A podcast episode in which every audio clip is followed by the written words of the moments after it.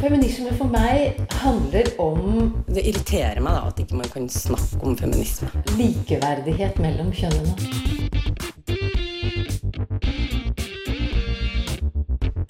Det blikket på kvinnen på film. handlet om å bli tatt på alvor som jente. Du hører på Kvinnesaken på Radio Nova. Vi varmer opp til 8. mars, og forrige torsdag så hadde vi utesending i biblioteket på Chateau Neuf, der overskriften var 'Hva er kvinnedagen i 2016?' Denne samtalen den skal du få høre nå. Eh,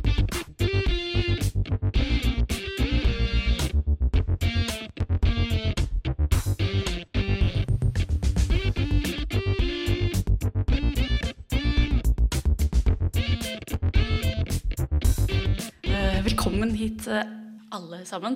Vi pleier vanligvis å sitte oppe i fjerde etasje der og lage radio. Så det er ganske uvant, veldig gøy og litt skummelt å komme ned hit og lage live-radio. Men veldig hyggelig. Jeg heter Eline Hystad. Det her er Linda Therese Rosenberg. Og eh, tekniker bak her er Isak Ree. Og overskrifta for eh, arrangementet i dag er jo 'Hva er kvinnedagen i dag?' Eller 'Hva er kvinnedagen i 2016?' Som vi har lyst, til å finne mer ut av. For det er jo alltid masse diskusjoner og debatt på forhånd. Men eh, hvorfor skjer det her, liksom? Og hva, hva er det egentlig vi har lyst til å markere?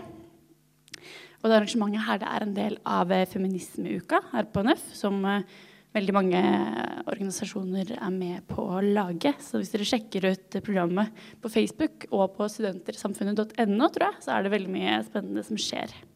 Ja, vi skal ganske snart få, få opp eh, hjelp for å liksom belyse hva kvinnedagen er i dag. Men aller først så tenkte vi at det kunne være lurt å ta liksom, flytte oss litt tilbake. Eh, for eh, det har jo vært veldig masse forskjellig egentlig, kvinnedagen opp gjennom historien når man ser nærmere på det. Så eh, ja, skal vi flytte oss litt tilbake? vi tar det ned til eh, 70-tallet. Eh, Den andre bølgen, eh, eller feministbølgen. Og da har vi fått med oss professor i historie Hilde Sandvik. Og eh, på 70-tallet så dukker det opp veldig mange nye feministiske grupper. Eh, kan du si litt om eh, hvem disse gruppene var, og hva de sto for? Selv var jeg ti år i, eh, da nyfeministene starta opp. Men da kom altså Joe Friedman, som var en kjent amerikansk feminist, til Blindern. Og eh, det at de studentene her møtte henne, det var starten på nyfeministene. De hadde hatt en ammegruppe før, bl.a. med Gro Nylander, kjent fra altså, ja, eh, en av disse legene som har vært veldig for eh, at eh, mødre bør amme barna lenge. Og nyfeministene de starta opp med altså, frigjø- kvinnefrigjøring. Rett og slett kvinnefrigjøring. Mot mannssamfunnet og mot kvinneundertrykking. Det var bevisstgjøring og det å finne fram til et kvinnefellesskap. Og stille spørsmålstegn ved alle, alle normer som gjorde at man ikke turte. Dette var altså en tid hvor 17% av de som gjennomførte høyere utdanning, var kvinner. Så det var veldig aktuelt for denne gruppa som tok tak. Men dette her var nyfeministene. Flat struktur, bevisstgjøring, snakke sammen. Det var det viktigste. I 1972 kom Kvinnefronten. Den var litt mer militant. Eh, mye mer hierarkisk. Eh, hadde en annen analyse av hva som var årsakene til kvinneundertrykkingen. De mente at nyfeministene på en måte la for mye ansvar på mannssamfunnet. Men de tenkte at det var kapitalismen som var den store undertrykker, og at der hadde menn og kvinner felles interesser. Og nyfeministene mente da at kvinnefronten de, de så på en måte for mye bort fra at også eh, deres egne kamerater faktisk kunne være ganske tøffe undertrykkere. Eh, ja. Så de var ikke enige i det hele tatt. Eh, det begynte, ja, og de hadde eh, ja, forskjellige måter å organisere på, forskjellige analyser. Og, men kanskje litt den der dominansen og den nære tilknytninga til AKP det gjorde at en del eh, kvinner fra bl.a. SV brøt ut og dannet eh, Brød og roser, som da var en tredje organisasjon. Eh, midt på 70-tallet omtrent. 75-76. Ja, det var vel det viktigste. Og så begynte man da å også å, Og det var forskjellige analyser, forskjellige saker. Men så klart altså kvinnefrigjøring mot mannssamfunnet, mot undertrykking. Og det var sikkert mange nyfeminister som også syntes at kapitalismen var verdt å bekjempe internasjonalt og nasjonalt. Mm. Men når det var så forskjellige grupper mm. som tenkte så ulikt, eh, hvordan var det da når det kom til f.eks. 8. mars og markeringen av den dagen? Ja, De hadde jo stort sett klart å holde felles tog. Sikkert hatt noen sånne parolemøter à la det vi har hørt om i år også. Vi krangla veldig mye. Jeg tror det var fra 1976 at de begynte å gå i hver sine tog. Og det holdt de fram med eh, i hvert fall to tog. Jeg husker veldig godt at det var to tog. Det ene gikk, og jeg gikk i det andre. Og det var, ja, det var merkelig. Men det var ikke uvanlig på denne tiden. Det gikk altså forskjellige 1. mai-tog.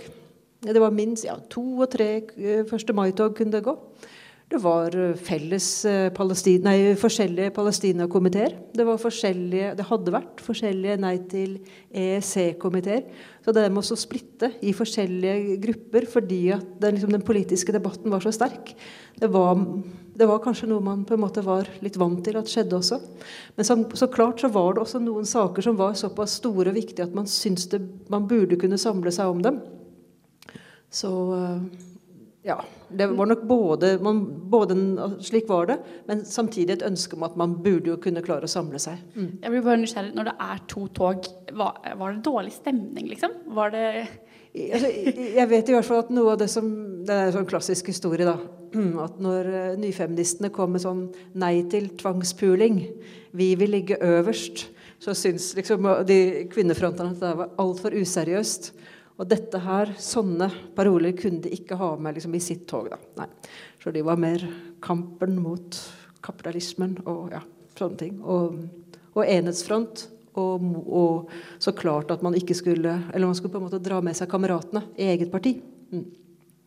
Men, men, Handlet det litt mer om hvordan man tenkte, eller handlet det også om konkrete saker? Om hva man var opptatt av? Det handla nok litt om hva slags saker man var uh, opptatt av. Men sånn som altså, selvbestemt abort var jo en sak som forente alle.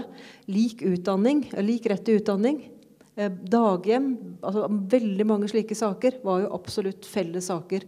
Så uh, ja, jeg, jeg, tror kanskje muligens at nyfeministene etter hvert var litt mindre iherdig antipornokampanjebålen osv. Men, uh, men jeg husker det som at det først og fremst var nokså temmelig stor enhet i saker, men at det gikk litt på ulik måte å organisere på. Altså, sånn syns jeg det framsto. Det er sikkert andre som kan oppklare det der bedre, men for en ungdom så framsto det sånn. Mm.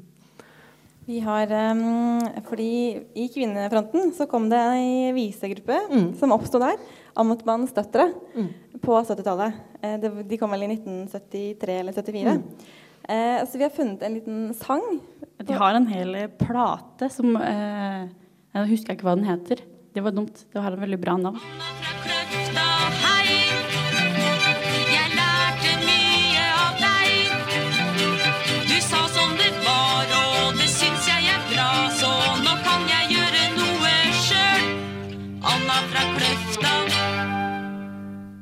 Det, det, var Anna fra Kløfta, det, med Antnans døtre. Og albumet heter 'Reis kjerringa'.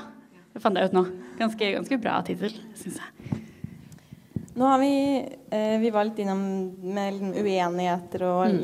Det var litt sånn organisasjonsuenigheter og, og, slike ting. Men én parole, og det syns jeg er veldig interessant, som det var litt sånn eh, furore om, det var 'Jeg vil bli statsminister'. Ja. Eh, hvorfor, var det en, hvorfor var det en kampsak? Hvorfor skulle man være uenig med det? Eh, eh, det var ei lita jente som gikk og bar på 'jeg ville bli statsminister'. Og kanskje noen syns jeg, jeg, jeg, Nei, hvorfor i all verden skulle det være noe støtende? Det er noen ganger man lurer på hva har man krangla om, og hva har man egentlig vært opptatt. Ja, nei. Men den store, viktige parolen som man jo fikk en gjennomslag for, det var selvbestemt abort i 1978. Eh, samme år kom det også likestillingslov. Det hadde vært et ombud, men da kom det en likestillingslov. Og den ble veldig viktig for å kunne si lik rett til utdanning, eh, like retter i arbeidslivet, likelønn, altså alle disse kravene. Så Så det at Stortinget da faktisk klarte, med én stemmes overvekt, å bestemme at det ikke skulle være en nemnd å forstå seg på året, men at det var en avgjørelse kvinnen måtte få ta innen tre måneder, det var eh, Ja, det tror jeg mange følte som en viktig, viktig seier. Så kan jeg si at det kom mange dilemmaer deretter, og fødsel Eller den teknologien vi har i dag, var der ikke den gangen. Mm. Og så etter det så kan du vel si at fra Jeg tror jeg undersjekka at i 1981 så klarte man endelig å gå i ett tog i Oslo. Men tror dere at 1. mai-togene klarte å gå samlet? Å nei, nei, nei. Jeg spurte en kollega, han sa nei, det var langt opp på 1990-tallet. Og det stemmer når jeg tenker tilbake, at da gikk det flere 1. mai-tog. Mm. Men var det en slags sånn diskusjon som Nå må vi faktisk gå opp i et tog, det her er for dumt med to? Eller hva var det som gjorde at de klarte å samle seg da? Ja, jeg tror at det var det som skjedde. Som sagt, jeg var ikke i ledelsen i disse her forskjellige. Men jeg tror faktisk at det var det. At man begynte å se at man hadde en interesse av å gå sammen. Men så klart, det å akseptere på en måte at man kan være politisk uenig, det er også greit. Men det å også tenke at nei, nå trenger vi faktisk å samle oss, det er også en erkjennelse man kan komme fram til. Og at det er mer som som Og etter dette her så var det jo at um, Kvinnefronten særlig begynte med sin store antipornoaksjon, som jo samla veldig, veldig bredt. Og hvor de fikk med masse, ja, KrF og forskjellige altså KrF-kvinner og sanitetskvinner og virkelig hadde sånn der brei, brei front da, mot at det skulle henge utbrettspiker og, og båndpiker og sånt på T-banen. Så, ja, så da ble det en veldig sånn stor forent ting. Mm. Men eh, hvis jeg bare kan få lov å avslutte som et tidsvitne fra denne tiden, så vil jeg jo si at eh, det å være Jeg begynte på Blindern i 1978. Mm. Og husker veldig godt det der med uh, hvor dominert både altså alle ja, Katetrene var fulle av menn. Uh, de barskeste som gikk på talerstolen, alltid menn. Så, så det at det, det, føltes riktig at jenter måtte liksom tørre å, å ta mikrofonen eller ta gulvet, uh, søke jobbene, gjennomføre studiene og liksom at man måtte støtte hverandre på det også. Og ble, bli på en måte bevisst sin egen frykt for å gå ut i offentligheten. Det husker jeg veldig godt som en sånn felles erfaring. Og det å finne tilbake til og se at dette ikke var første gangen den typen tanker hadde vært, eh, det var fantastisk. Så det å lese ja, Amalie Skram og lese altså det, ble, det, var, det var fint å kjenne den der gjenklangen bakover. Og også så klart det å se ut i verden og sånt. Så jeg syns det var veldig fint å få lov å komme og være første punkt på programmet som sånn tidsvitne. Riktignok et barn da, i starten, men så etter hvert en ungdom fra denne tida her. Så takk for meg. Mm. Tusen takk for at du kom. Hilde Sandvik, professor i historie fra Universitetet i Oslo. Det var utrolig hyggelig at du ville komme. Eh, vi skal eh, snakke litt om 8. Eh, mars nå om dagen. Ja, skal ja. vi spole framover til nåtiden? Ja. Så hvis de flotte damene kan gjøre litt scenebytte her. Og så har vi jo gjort litt research, for vi tenkte at vi kan ikke, være, vi kan ikke liksom representere alle. Nei. Så vi har tatt en tur opp på Blindern, tror jeg. Lisa og Åsbø har tatt en tur opp på Blindern. Og spurt litt uh, forskjellige folk der hva de tenker om kvinnedagen. Syns du at kvinnedagen fortsatt er relevant i dag? Ja, eh, jeg syns den er relevant på den måten at i hvert fall i forhold til et generelt bilde i verden, så er det viktig å Eller så er det et forhold mellom rettighetene til kvinner og menn er til en viss grad uproporsjonal. Og på den måten så tror jeg at kvinnedagen er et viktig måte å kanskje minne samfunnet på det om, og også da bygge opp kanskje litt mer konkrete mål i forhold til Nå vet ikke jeg akkurat hva målene nødvendigvis er på denne kvinnedagen, men belyse problemer som man har identifisert. da. Uh, jeg legger egentlig ikke merke så mye til at det er et kvinnedag, for vi gjør ikke så stort oppstyr annet enn at vi sier at det er kvinnedagen, så nei, egentlig ikke er så relevant. Ja, jeg mener at eh, kvinnedagen fremdeles er relevant i dag. Ikke bare har man uh, fremdeles problemer i Norge eh, når det kommer til arbeidsliv, kjønnsroller eh, og alt mulig sånt. Eh, men òg på et globalt nivå når det gjelder kvinner på flukt, hvordan kvinner blir behandla i andre land. ja.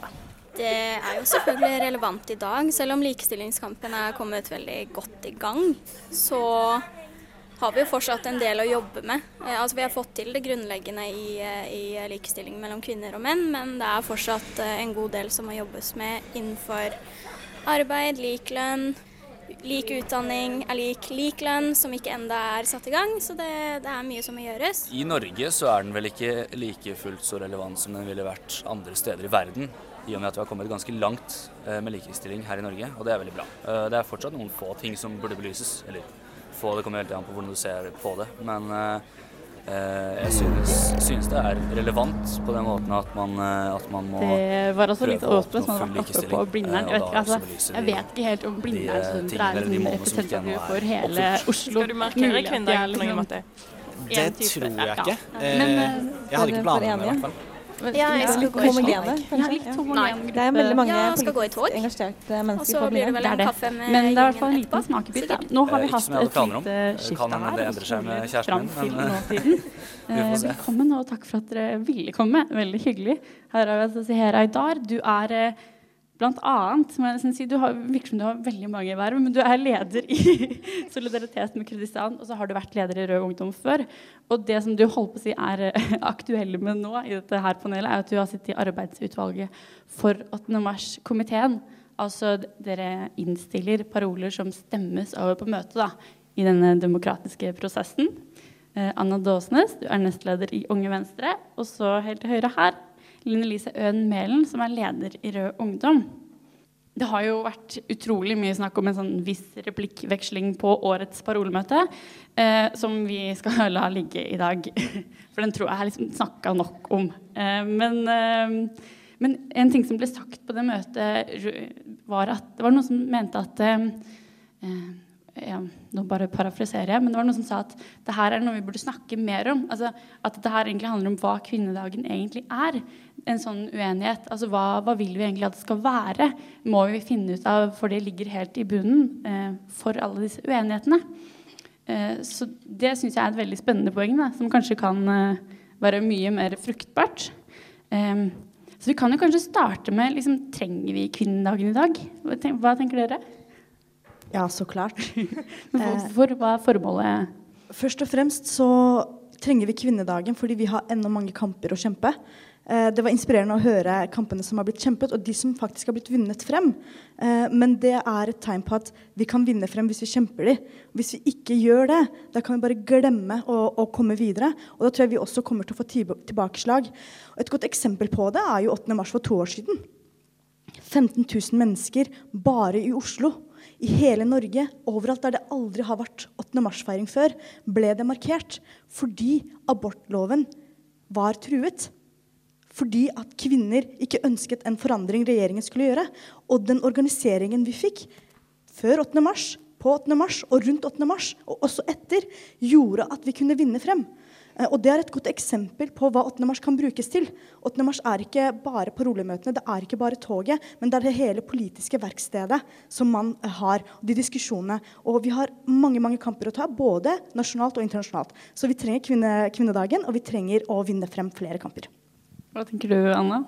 Uh, jeg er helt enig i at uh, kvinnedagen er kjempeviktig. Sånn det er i dag, så er ikke kjønn likestilt. Eh, både i Norge, men også særlig internasjonalt. Eh, og det er kjempemange kamper eh, som må tas. Eh, og jeg tenker at eh, man kan jo ikke kun kjempe for, eh, for likestilling én dag i året, men det er en veldig fin påminnelse på nettopp at dette er en kamp som må tas. Og jeg tror det er veldig mange eh, i Norge som går rundt og tenker at nei, vi er jo liksom et av verdens mest likestilte land, og jeg ser liksom ikke noe problemer, og vi har jo veldig mange av de eh, formelle rettighetene på plass. Eh, men den debatten som også ofte er rundt 8. mars, tror jeg er en veldig viktig sånn wake-up call eh, for mange å, å, få en gang i året. Unge Høyre de følte seg litt sånn ekskludert fra 8. mars-toget i fjor. Og det inntrykket jeg satt igjen med etter en sånn kronikkutveksling, det var at de ville mer ha en sånn at 8. mars skulle være en slags debattdag, nærmest. Hvor man måtte belyste alle uenighetene, og ikke en sånn politisk dag. Eh, hva tenker dere? Hva, hva, skal 8. mars egentlig være? For meg og for ungdom så er jo 8. mars to ting.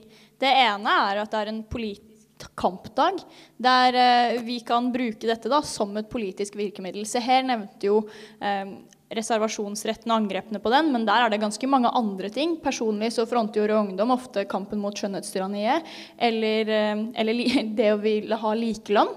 Men det er også en feiring av alle de historiske tingene man har oppnådd. Da. Fordi på et eller annet tidspunkt så er det ganske fint å se seg tilbake igjen og minnes hva man faktisk har fått. Og eh, jeg tror det er viktig å gjøre begge delene. Eh, I tillegg så vil jeg jo si at kvinnebevegelsen er jo nettopp en bevegelse som skal bevege seg mot et felles mål. Og det er jo litt viktig for meg at kvinnebevegelsen også er. Da. Fordi i all den tid det ikke er en politisk kampdag som vil noe, så mener jeg også at det blir litt irrelevant. Jeg vil ikke ha en dag der vi går rundt og feirer at vi er kvinner. Det, det, trenger vi på en måte ikke. Det vi trenger, er å eh, samle krefter da, og få til noe i fellesskap. Og det er jo 8. mars for oss i dag. Uh, veldig enig med begge to. Eh, og så tenker jeg i tillegg, Hvis kvinner helt til å begynne med, når de gikk i 8. mars-tog, istedenfor å kreve stemmerett, hadde snakket om det var lurt å ha stemmerett, så tror jeg ikke vi hadde hatt stemmerett i dag. Eh, og det er litt sånn det har vært med alle kampene hele veien. det er fint å diskutere, og det skal vi gjøre hele året. Det er veldig viktig. Det er sånn vi utvikler politikk. Men samtidig så må vi ha ikke bare én dag, også flere dager, men i hvert fall 8. mars, til å kreve og, og, og si det høyt og tydelig. Fordi vi vet at offentligheten er dominert av menn. At vi kan ha én dag der vi også reiser våre viktige kamper. Om det er én tog eller ti, det er ikke det viktigste egentlig, selv om det beste er å samles om én. Det viktigste er at vi kan heise de sakene vi syns er viktige, og faktisk kjempe de frem. Eh, og, og, og, hvis vi bare skal diskutere og, og, tenke at vi er kvinner, og nå skal vi, nå skal vi gå sammen, så tenker jeg sånn Hva er det du kan nå med det? Men dere sier jo eh, altså Line Lise, du er i hvert fall inne på det her med at eh, det er no, en dag som skal samle, eh, men samtidig som skal vekke debatt. Du, du sa jo også det, Anna, at det handler mye om de her debattene som kommer fram. Eh, hvordan kan man klare å både vekke debatt og samle? Skal, skal det skje samtidig? Hva tror dere? Uh, jeg tenker Først og fremst er det utrolig mange uh, likestillingssaker som vi, er, som vi, feminister er helt enige om. Uh, Altså F.eks. det at, uh, at uh, kvinner blir møtt med hetsende kommentarer på, basert på kjønn når man ytrer seg i, i offentlige debatten. Uh, og jeg vet at Rødt og Venstre for eksempel, er ganske enige når det kommer til kontantstøtte, som jeg syns er en ganske viktig kvinnesak. samtidig så syns jeg det er dumt når man får en, en kvinnedag som blir for snever, som ikke blir en bred kvinnedag, som uh, er en kvinnedag som alle føler de kan uh, føle seg hjemme på. Uh, for da føler jeg at man mister litt av den relevansen. og man gjør seg selv litt irrelevante hvis det kun blir en sånn snever dag for noen kvinner på ytterste venstre fløy. Og den gode nyheten er at det vi ser de siste årene, at, er at 8. mars ikke er en snever, uviktig dag. Tvert imot er 8. mars en, en, stor bevegelse, en ganske stor bevegelse faktisk, hvor veldig mange har klart å samle seg om en eller flere store saker. I år har vi 17 hovedparoler, og jeg tror de aller fleste som betegner seg som feminister, eller er opptatt av at kvinner skal oppnå eh, likestilling eller at vi skal ha frigjøring, eh, klarer å finne i hvert fall minst én parole de kan gå bak. eller male sin egen parole så lenge det ikke strider mot de andre, og gå bak den. Eh, og, og det, det, det, har vi jo sett gang på gang, at den ikke er snevert, at den er bred, og at den faktisk har politisk gjennomslag. Så det, så det er jo veldig fint. Hva tenker du, Line Lise? Nei, Jeg skal være helt ærlig og si at det er eh, kanskje et motsetningsforhold mellom både å være en politisk kampbevegelse som liksom vekker litt engasjement i folket da, og trekker i en veldig retning, og det å ha en bred allianse. Men eh, det er jo noen hederlige unntak man har hatt, eller har, også på eh, venstresiden, eller større enn det. Jeg vet jo at uh, Ungdom mot rettskjelt reklame, som er et nettverk av mange forskjellige ungdomsorganisasjoner, der er bl.a. Grønn Ungdom, Ungdom, KrFU, Rød Ungdom, AUF, SU osv. med. da.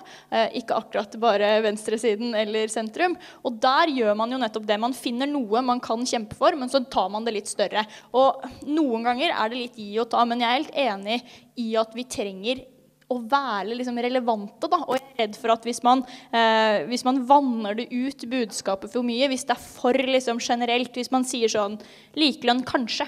Eh, så, så, blir det på en måte litt mindre relevant. Så, og mindre også som vil gå bak det. Men så tenker jeg da, hvis man ser tilbake på det siste Hei. Ja, da var vi. Hvis vi ser tilbake på det siste års eh, 8. mars-tog, så er det jo ikke bare det om reservasjonsretten som har vært stort. De andre har også vært historisk store. Men eh, ingen husker f.eks. veldig mange av de andre parolene man gikk under når man gikk bak den eh, nei til reservasjonsretten. Eh, og det er jo også det som er litt viktig, at man kan finne noen ting som er liksom de viktigste tingene. Og så kan man komme med paroler som kanskje er litt mindre viktig for eh, fellesskapet, mer viktig for deg som ja, sorry. Det er jo derfor eh, man har nettopp da, mange paroler og et stort parolegrunnlag. Anna, vil du fortsette? Ja, eh, jeg mener egentlig det er mer, eh, mer skadelig for likestillingskampen når man får en, en for snever kvinnedag. Eh, og jeg ser at det allerede er et problem i dag når når noen mennesker mener at det å være feminist er liksom, at folk bruker det som et skjellsord, at det er negativt ladd, og at man ikke føler seg hjemme i den, i den kvinnebevegelsen. Og det har jo faktisk noe med at når man møter opp på disse parolemøtene f.eks.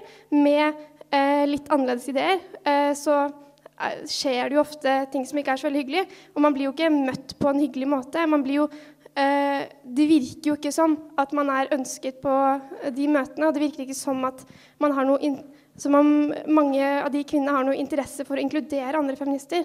Og det, er, eh, det mener jeg er veldig skadelig for, for kvinnebevegelsen. Kanskje Du har lyst, ser, du kan jo fortelle litt om som, eh, hvordan et sånt parolemøte foregår også. Det, gjøre, ja. Det var jo ikke veldig mange mennesker der. Det var jo ganske få mennesker der. Så jeg, jeg tror det er veldig mange som ikke vet hva, hvordan en sånn prosess foregår. Jeg, jeg, har vært ordstyrer på de siste ja. uh, 8. mars-parolemøtene de siste tre årene. Uh, og uh, i fjor var det i hvert fall veldig veldig mange. I år var det litt færre. Litt enklere å, å, å håndtere. men bare for å forklare litt det vi gjør er at 8. mars-arbeidsutvalget sender ut invitasjon til alle organisasjoner som har vist interesse, til enkeltpersoner som noen gang har vært på et eller annet møte, til alle i vårt nettverk, og, og oppfordrer dem til å videresende. Vi publiserer det også på sosiale medier, sånn at alle kan komme. Og vi ønsker alle velkommen. Eh, alle som kommer dit, får samme informasjon, samme grunnlag for å delta i debatten. Og så er det sånn at noen er i mindretall. Og det må man tåle. Er du i mindretall i, i, på et møte, så må du tåle det. Eh, men så er det en del ting man ikke skal tåle. Man ikke skal godta. Og det, det er uh, dårlig debattkultur, og det uh, tror jeg alle er enige med. Men når det er sagt, så er et parolemøte et møte der hvem som helst kan komme. Uh, 8. mars-komiteen kan ikke styre det. Vi, vi, ønsker alle velkommen, og alle tar ordet og sier sin mening. Og Sånn foregår det. Og så stemmer man over parolene, og så tar man de som har fått flertall, og, og, og løfter det opp. Og så kan folk ta med andre paroler. Sånn fungerer det. Eh, nok om det. Eh, I tillegg så vil jeg jo si at de debattene som har vært før og etter 8. mars-parolemøtene eh, de siste årene, viser egentlig at 8. mars er en ganske viktig dag. Det er det jeg har lyst til å si. Tvert imot, Hvis det ikke hadde vært en viktig dag, så hadde ikke det vært viktig for så mange å ta del eh, i, i, disse debattene. at det, hadde, det hadde ikke skapt debatt. Det hadde bare vært et lukket møte som ingen hadde brydd seg om. Eh, og, og, det at det blir debatt om det, betyr bare at det er eh, en dag mange føler at de kan løfte frem sine saker. Og i år så må jeg bare si hva hovedhovedparolen er. For det er jo det som eh, vi skal forhåpentligvis flere tusen mennesker skal gå bak. Det er altså feminismen. En, eh, bare for å forklare Det er én hovedhovedparole, og så er det 19, 18, 17. 17 hovedparoler. Det kan være litt sånn tricky, det her, men ja, eh, og, det kan vi fortsette. Ja, det er 'Feminismen er grenseløs. Gi verden til kvinner på flukt'. Og det tror jeg er en så viktig parole, og jeg håper at så mange som mulig kommer og faktisk går bak den. I tillegg så har vi 16 andre paroler, eh, som jo alle er veldig viktige. Eh, sånn at jeg håper og tror at noen kan finne noe for seg selv, men den parolen om eh, feminisme som er grenseløs, og kvinner på flukt, er fanger tiden. Og det er alle vi som sitter her enige om, og jeg tror flertallet av befolkningen også er det.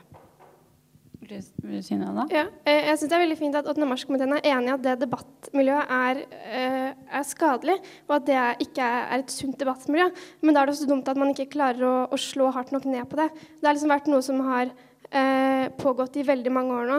Eh, jeg har liksom snakket med unge venstrejenter som var på parolemøte for ti år siden, og status var det samme. Eh, og når det har pågått i mange, mange år, og det har liksom blitt en ting som får florere. eh, så må man faktisk eh, sette foten ned. Eh, Men jeg må bare beklager, men jeg må bare si at det er jo ikke sant at det er noe som florerer. Eh, på den debatten du snakker om, var det eh, over 30 innlegg, og det var to av dem eh, som skapte reaksjon. Eh, og mange andre som ikke gjorde det. Eh, sånn at eh, vi, vi kan ikke eh, tegne et bilde som ikke stemmer med virkeligheten. Eh, det som ikke er greit, det er ikke greit. Men det, er, det var snakk om to innlegg av 30 innlegg. Bare så det er tydelig. Ja, eh, det er jeg helt klar over. Jeg var der jo selv. Eh, problemet er jo når det skjer hvert eneste år, når det skjer på hvert eneste parolemøte. Eh, når unge venstrejenter, unge høyrejenter føler seg trakassert på, på, på 8. mars-komiteens parolemøter år etter år, så er det jo faktisk et problem som man må ta tak i. Og det gjør vi heldigvis. skyte inn at uh, jeg, jeg tror kanskje at en, noe som kan gjøre at disse her møtene her altså Det er jo ikke en debattarena. Det må vi jo kunne si. For det som skjer, er jo at man holder innlegg, eh, korte innlegg sådan, eh, for eller imot disse parolene som arbeidsutvalget har innstilt. Sånn at eh, Derfor så er jo det her egentlig debatter som må tas i en annen sammenheng. Og det egner seg heller ikke noe særlig godt eh, som et debattsted, da. Ja, eh, ja som eh, jeg, jeg tror vi må skille litt her, fordi jeg er veldig interessert i å inkludere mange på disse møtene. Jeg syns det er en styrke at man får eh, mange også fra ulike liksom, organisasjoner og partier. Det er jo ikke kun liksom, ungdomspartier som Rød Ungdom eller Unge Venstre eller SU som kommer. Det er jo også viktige liksom, foreninger som Sykepleierforbundet og andre da, som er liksom, opptatt av feminisme. Og jeg mener at det er ganske viktig at man får da, et bredt spekter. fordi disse organisasjonene da, representerer jo ulike kvinnekamper eh, som er viktige for de. Sykepleierforbundet er jo f.eks. levende opptatt av heltid, deltid eller likelønn, eh, mens det er andre der som er opptatt av abortrettigheter og noen igjen eh, helt andre ting. Og det mener jeg er viktig at man har en bred kvinnebevegelse som kan eh, favne bredt. men så jeg kjenner meg ikke helt inn igjen i den ikke interessert i å inkludere. Fordi én ting er det eh, Anna diskuterer her nå og sier at det er det dårlige debattklima. Det kan vi aldri være enige om, og sånn skal man ikke ha det. Men det andre er jo den politiske uenigheten. Og når vi da samler da, eh, så mange ulike foreninger, så mange ulike politiske synspunkter Og jeg skal være helt ærlig, du vil jo at din parole skal være med. Det er jo viktig for deg at, eh, at du får gjennom ditt syn, og det føler nok mange på. Så eh, blir det jo uenigheter om liksom, strategi og politikk. Og det mener jeg også skal være helt fair. da. For jeg mener at man må kunne tåle å ha politisk uenighet i en bevegelse. Det er jo bare sunt for bevegelsen. Og jeg ønsker eh, alle jeg velkommen til 8. mars-møtet neste år også. Men det betyr ikke at jeg kommer til å stemme for parolene deres. da. Tvert imot så kommer jeg jo til å kjempe beinhardt for at det blir mine paroler som blir eh, med i toget. Men det syns jeg vi helt åpenbart skal gjøre på en skikkelig måte. Og det mener jeg jo vi kan håper vi kan alle være enige om, da. Vi skal fortsette å diskutere det her og kanskje også flytte oss litt sånn ut ifra selve parolemøtet. Men jeg tenkte vi skulle høre på litt musikk først. For, for jeg er liksom fortsatt litt sånn live-radio og klarer ikke helt å flytte oss ut fra studio i fjerde etasje. Eh, selvfølgelig en kvinnelig artist. Eh, det her er Thea Hjelmeland og Feathery. Radio Nova. Det var Thea Hjelmeland og Feathery der. Og vi, jeg tenker at eh, Eller jeg lurer litt på en ting, da. Eh, For nå har vi jo snakka mye om politikk og kvinnedag. Men eh, syns dere at det skal være en dag for alle kvinner? Altså, det er jo en kvinnedag, det er jo ikke en feministdag eller en politisk kvinneengasjert dag. Skal liksom alle føle seg hjemme på en sånn dag? Eh, Jeg håper jo at alle føler seg hjemme på en sånn dag. Men så vet man jo at kvinner er jo ikke enige om alt. Uh, og, og det trenger vi ikke være. Altså, det har vært kvinner som har vært mot abortloven, og så har, man, har det vært kvinner som har vært for den. Sånn at jeg håper det er en, kvinne, en dag alle kvinner føler seg hjemme i, men jeg tror ikke det er en dag hvor alle kan være enige i politiske grunnlaget til. Eh, og, og det trenger det ikke være heller, fordi det er nærmest umulig. Ja, jeg, jeg mener jo at 8. mars mister jo også mye av relevansen sin hvis det ikke kan være noe folk har lyst til å være en del av. Da. Eh, særlig kvinner. Så jeg vil jo veldig gjerne at det skal være en stor dag for veldig mange. Og man, hvis man ser tilbake på de kanskje de mest vellykkede 8. mars-arrangementene, så har jo nettopp det vært når det har vært veldig mange som kunne stå inne for det. Da. Eh, så jeg syns jo helt åpenbart at det burde være en dag for flest mulig. Det er viktig for meg. Men som Seher sier, da, så veit vi jo at kvinner er ikke en homogen gruppe som mener akkurat det samme. Så det blir jo liksom vanskelig å trekkes alle. Men det betyr ikke at man ikke skal prøve, da. Absolutt. Og så fins det jo noen paroler som jeg tror veldig mange uansett politisk ståsted vil kunne stå bak, som f.eks. vold mot kvinner. Altså, jeg tror nesten hvem som helst i dette landet vil kunne støtte kravet om stopp vold mot kvinner. Så det fins jo noen viktige politiske saker som nærmest alle er enige i, både kvinner og menn. Og det tror jeg er veldig viktig å løfte frem. Hvis man kan si det litt banalt, så skal kvinnedagen være som en sånn Twist-pose, der du har masse forskjellige favoritter, og alle kan finne en ting som er for deg. Er det det du mener skjer? Var det, var det greit? Det var en veldig god beskrivelse. Takk, takk. Eh, hvert år så hører jeg eh, kvinner si at nei, kvinnedagen den er, har ikke noe poeng, jeg føler ikke at den er relevant. Hvordan skal man hele tiden prøve å nå ut til alle de som ikke finner den relevant? Da? Hvordan skal man gjøre den relevant for, eh, for egentlig majoriteten, selv om det er veldig mange fremdeles som eh, er med på disse togene? Jeg syns Seher sa det veldig godt i én setning først eh, i stad, og det var at det må treffe i tiden. Eh, og at det er hele poenget med kvinnedagen og hvorfor den kommer på nytt hvert eneste år. Da, fordi det er nye ting som kommer hvert eneste år. Og derfor syns jeg jo at internasjonal solidaritet er utrolig viktig i år. Hva tenker du, Anne? Hvordan kan man fortsette å gjøre det relevant? Eh, jeg tenker Det er kjempeviktig at man klarer å enes om de felles sakene. F.eks. vern for kvinner på flukt er en kjempegod parole. Men også jobbe mer for, og det må også vi på høyresida ta ansvaret for, at man klarer å vise at feminisme også er for uh, høyre damer og venstre damer, og at man klarer å gjøre det begrepet litt mindre skummelt for mange som syns at det er litt sånn noe man ikke føler at man kan beskrive seg selv med. Men ja, mitt inntrykk er at de siste årene så har høyresiden og de liberale kommet litt sånn sterkere på banen når det gjelder likestilling og feminisme. Er du enig i at dere er blitt litt flinkere til å rope høyt om eh, likestilling også på høyresiden? Ja, eh, jeg tror det er eh, Ja, altså man eh, har jo man har på en måte fått flere fra høyresida som møter opp på f.eks. parolemøtene, og som prøver å eh, kanskje snakke mer om politikken sin, og prøver å kanskje ta tilbake det feministbegrepet litt, og prøver å tenke at kvinnekamp fortsatt er relevant i dag, og prøver å vise det også fra ja, Man har kanskje sett at den debatten om likestillingen har eh, blitt litt eh, venstre At det er blitt en debatt for venstresiden. Det er noe man vet, og at man ikke ønsker at det skal være. da. I eh, Agder Nei, ja, Arendal. Ja, Arendal. Ja. Det er i Agder. Eh, så skal du jo ha to tog. Ja, da er vi liksom plutselig tilbake til 70-tallet igjen. For da, nå splittes det igjen, og det er ganske interessant. Ja, Men det ville man ikke ha i Oslo. Men tror du det hadde vært usunt å ha to tog eh, også her, hvis man er veldig uenig?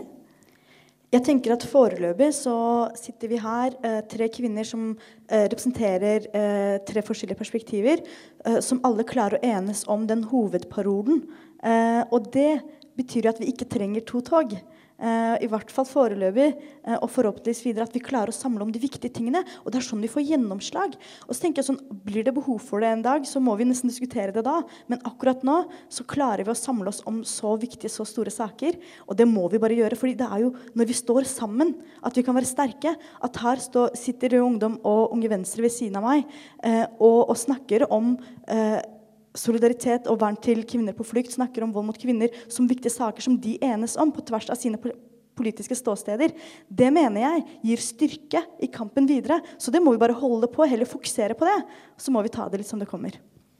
Jeg tenker litt at uh, sånn, Sammen er vi mindre alene. For det er jo Det, er en, det kan være litt tøff kamp uh, å ta. Og uh, jeg har veldig stor tro på at vi er mye sterkere sammen. Og særlig når vi klarer å eh, mobilisere mange til parolen. F.eks. Fra eh, reservasjonsrett. Det viste jo hvor viktig det var at man klarte å, å enes. Ja, jeg syns også det er synd hvis man skulle gått til to tog nå. Og eh, ja, i Arendal så så jeg også parolene de skulle gå under, da, det, det andre toget. Eh, og det virka jo på meg som paroler som man alle kunne gått under. Eh, det var i hvert fall en del av de. Det var mye sånn generelt eh, og ikke veldig liksom konkret. Så, så jeg syns jo det er litt viktig at i all den tid det er mulig å ha ett tog, være én samla front som går mot det samme målet, så vil jeg jo helst det. Men eh, det er jo Jeg mener jo også at det er viktig at 8. mars og kvinnedagen står for noe. Og i all den tid man eh, ikke lenger ser noe politisk med toget sitt, så mener jeg jo at man kanskje må revurdere det, da. Men heldigvis er vi jo langt unna det, og nå ser man jo bare det motsatte. Det kommer stadig flere til. Så vi er kanskje litt unna den problemstillingen, i hvert fall i Oslo. da. Og I tillegg til toget så er det jo veldig mange 8. mars-arrangementer. Eh, både før, ukene før 8. mars. Og disse arrangementene løfter jo forskjellige politiske saker. Eh, og, og, det er også en mulighet å, å skape diskusjonsarenaer på. Eh, hvor man kan diskutere og, og, faktisk skape debatt. Dette er jo et eksempel på det, men det fins mange flere. sånn at det er ikke bare toget i seg selv eh, som man kan bruke for å løfte politiske saker. Man kan bruke ukene før. I tillegg så tenker jeg at eh, fra 8. mars-komiteen kan jeg si at 8. mars, så lenge vi holder på, kommer til å være en kampdag med politiske saker som vi skal løfte frem. Uansett. Og så håper jeg at mange kommer til å bli med, og det kommer vi til å jobbe med. Sånn at det, det, det kommer aldri til å slutte å være en kampdag så lenge det fins kvinneundertrykking. Dere snakker mye om dette med å stå sammen og, og, jobbe sammen. Og likestilling er jo også noe som berører menn i veldig stor grad. Er det man flinke nok til å være eller inkluderende og dra inn mennene i 8. mars-arrangementene? Det har aldri vært et mål uh, å jobbe for at menn skal være med på i hvert fall parolemøtene. Men det har vært et mål å jobbe for at menn skal delta i 8. mars-toget. Fordi jeg tror både menn og kvinner har interesse av at vi ikke har kvinneundertrykking. Jeg tror både menn og kvinner tjener på at vi ikke behandler folk forskjellig ut fra skjønn. Jeg tror hele samfunnet tjener på kvinnefrigjøring. Så jeg tror det er en kamp som egentlig angår oss som samfunn, og ikke bare kvinner. Men siden det er kvinner som kjenner det mest på kroppen eh, i dag, så er det flest kvinner som engasjerer seg i det. Og det er ikke noe i veien for det egentlig. Men det aller viktigste er at vi kan inkludere alle. Eh, både kvinner og menn og andre som definerer seg som noe annet. Til å gå i disse togene sammen uansett skjønn. Da. Men hvorfor, eh, hvorfor har ikke menn på parolemøte også da? Eh, det, det er forskjellig fra by til by. Uh, I noen byer er det det, i noen byer er det ikke det. Uh, forskjellige praksiser for det. Uh, men for de som sier at det er greit, så sier de at alle kan være med. Feminisme for alle. for de som sier at det ikke er greit, sier at menn definerer politikken gjennom hele året. La oss definere denne dagen sjøl.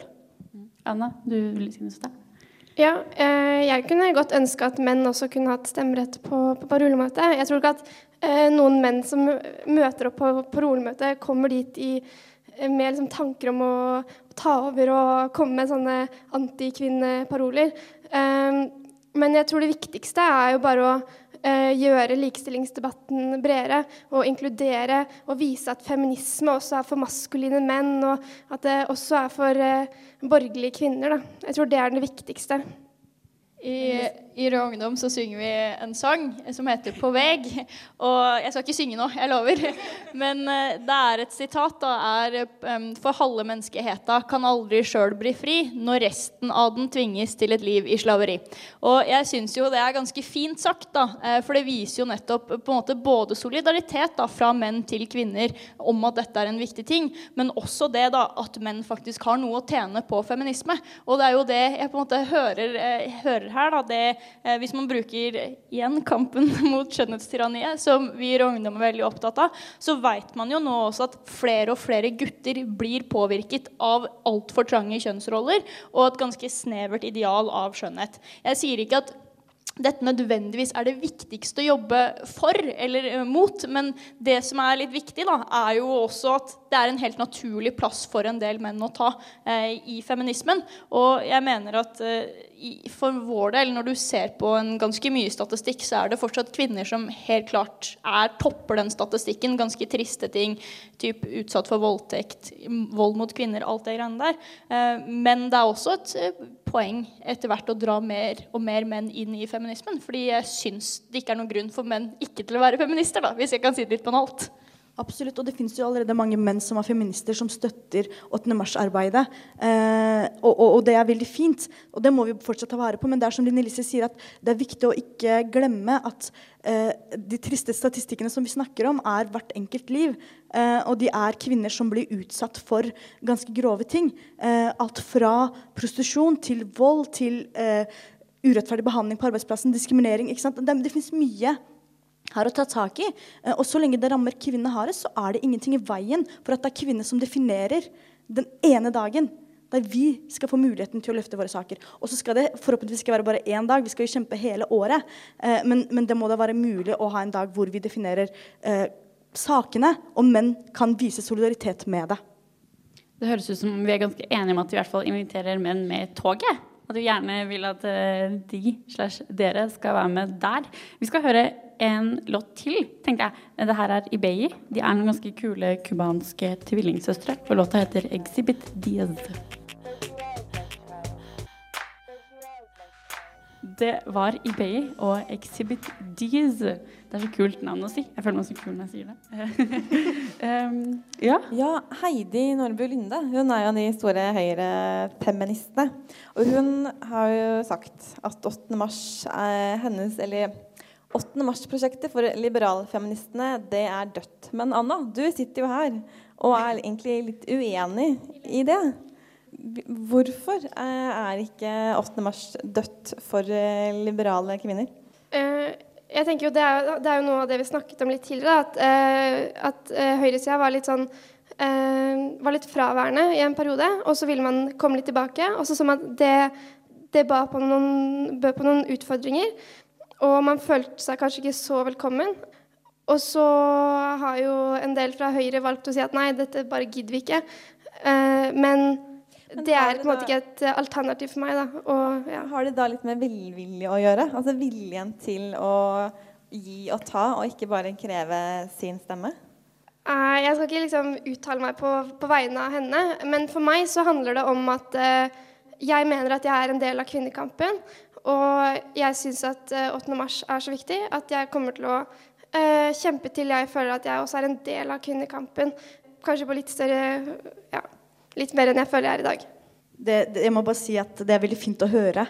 Eh, som 8. mars-komiteen som prøver å skape brei allianse rundt 8. mars-bevegelsen, så tenker jeg at eh, tips er egentlig til alle som hører på nå.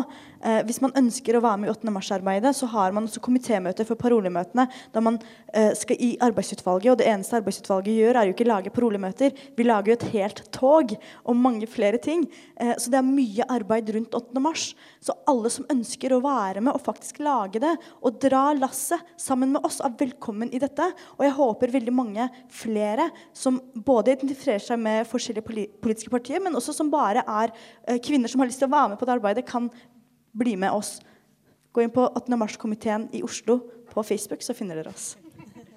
Så det er ingen grunn til å gi opp, egentlig? Altså, Liberale feminismen er ikke død? Nei, for det er så utrolig mange viktige saker og så utrolig mange viktige kamper som man fortsatt må ta. Og jeg mener at de kampene er så viktige at vi ikke kan la venstresida kunne få jobbe med dem.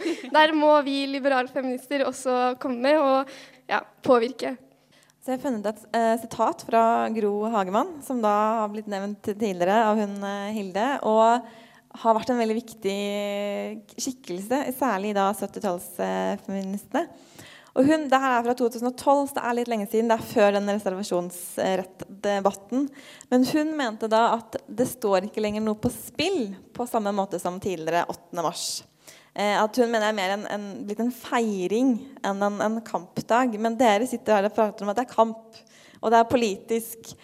Handler det litt om at vi er liksom feminister av dagens generasjon? Jeg tror hvis man, eh, nå, nå, jeg tror da hvis man har kjempet mange kamper, og så har man kanskje vunnet dem. Så føler, vil man feire dem, og det er veldig flott. Og det må vi gjøre. Men likevel så er det jo ganske mye som står på spill. Altså Vi som sitter her, har jo snakket mest om de sakene vi er enige om. Men vi vet jo at det fins uenighet om f.eks. sexkjøpsloven. Eh, det fins uenighet om eh, mange andre saker eh, som vi snakker om på 8. mars. sånn at det er mye som står på spill. Her er det en lov som mange syns er veldig viktig. Her er det vern mot kvinner som er i prostitusjon. Her er det snakk om at vi krever flere hjelpetiltak, sånn at de som ønsker det, kan komme seg ut av det. Store saker som står på spill. Eh, og solidaritetsperspektivet i tillegg eh, er kjempeviktig. Så, så, jeg tenker at jeg kommer til å feire. Jeg kommer til å gå på Ladyfest etter 8. mars-toget og danse som bare det. Men før det så skal jeg kreve min rett, og så skal jeg jobbe for at de andre kvinnene som ikke kan være der den dagen, også skal oppnå frigjøring. Ja, jeg er helt enig med Seher. Vi har ganske mange saker å fortsatt jobbe for. Og Seher nevnte jo noen av de, og vi har tidligere nevnt andre. Men hvis du også da ser til USA og tar inn et litt nytt perspektiv i dette, så er det sånn at hvite, i hovedsak republikanske menn, har gått til en ganske organisert kamp mot kvinners abortrettigheter. Det er faktisk så organisert at de er blitt kalt liksom the war on women. Og deres abortrettigheter i enkelte stater er helt vanvittig skrenka inn. Så jeg er jo også litt redd for at hvis man ikke har en bevegelse som er der, som presser på, og som viser at vi er store og kampvillige, så kan det da skje eh, inngrep i rettigheter vi allerede har. Da. Det skjedde jo nettopp eh, ett eller to år etter eh, det sitatet du leste opp, med norske angrep på reservasjonsretten. Og da viste det man seg og var veldig liksom, knallharde og på ballen med en gang. Og det er jo også derfor jeg mener dette er viktig. da. Fordi hvis vi er borte, hvis vi er usynlige, hvis ikke vi snakker om disse sakene, så tror jeg det veldig lett blir glemt, og så veldig lett blir gjort noe med. da. Og så er det utrolig mange globale kvinnesaker som er uh, kjempeviktige. Det er fortsatt uh, 60 millioner uh, jenter som er utenfor skolen. Jenter blir omskjært. Og det er en helt annen verden å være kvinne i, i mange andre land enn Norge. Selv om det er kjempemange viktige saker i Norge òg, så kan ikke vi tenke at ok, nå har vi kommet så langt i likestilling i Norge at nå gidder ikke vi mer. Vi må stå opp for våre søstre som ikke har det så godt som vi har. Så selv om de store sakene ikke kanskje alltid står på spill i Norge, så står det mye på spill i en større sammenheng som vi er nødt til å fortsette å fokusere på. Det er jo, det er jo eh, nå som vi er på sitater, det er veldig fint stat at ingen av oss er frie eh, så lenge alle ikke er det. Og det tror jeg vi skal ta med oss. Det var fint punktum, egentlig. det. Ja, det var et superbra punktum. Kanskje vi bare skal runde litt av der. Ja. ja. ja. Ja. Eh, vi, vi, lager jo radio hver mandag fra 10 til 11 vanligvis, så det her kommer til å bli sendt på radio mandag eh, mellom 10 og 11. Ja. Dagen før den store dagen? Ja. Enda mer oppvarming enn det er nå, kanskje. Eh, tusen takk for at dere kom, Seher Aydar, Anna Dåsnes og Linn Riise Øen Mehl. Det var veldig, veldig, veldig hyggelig. Takk for at dere kom, alle sammen. Tusen takk til Isak Ree på teknikk. Og takk til Linda Therese Rosenberg. Og til Elisa, som uh, tok seg en tur opp på Blindern for å spørre alle våre medstudenter om deres politiske meninger om 8. mars.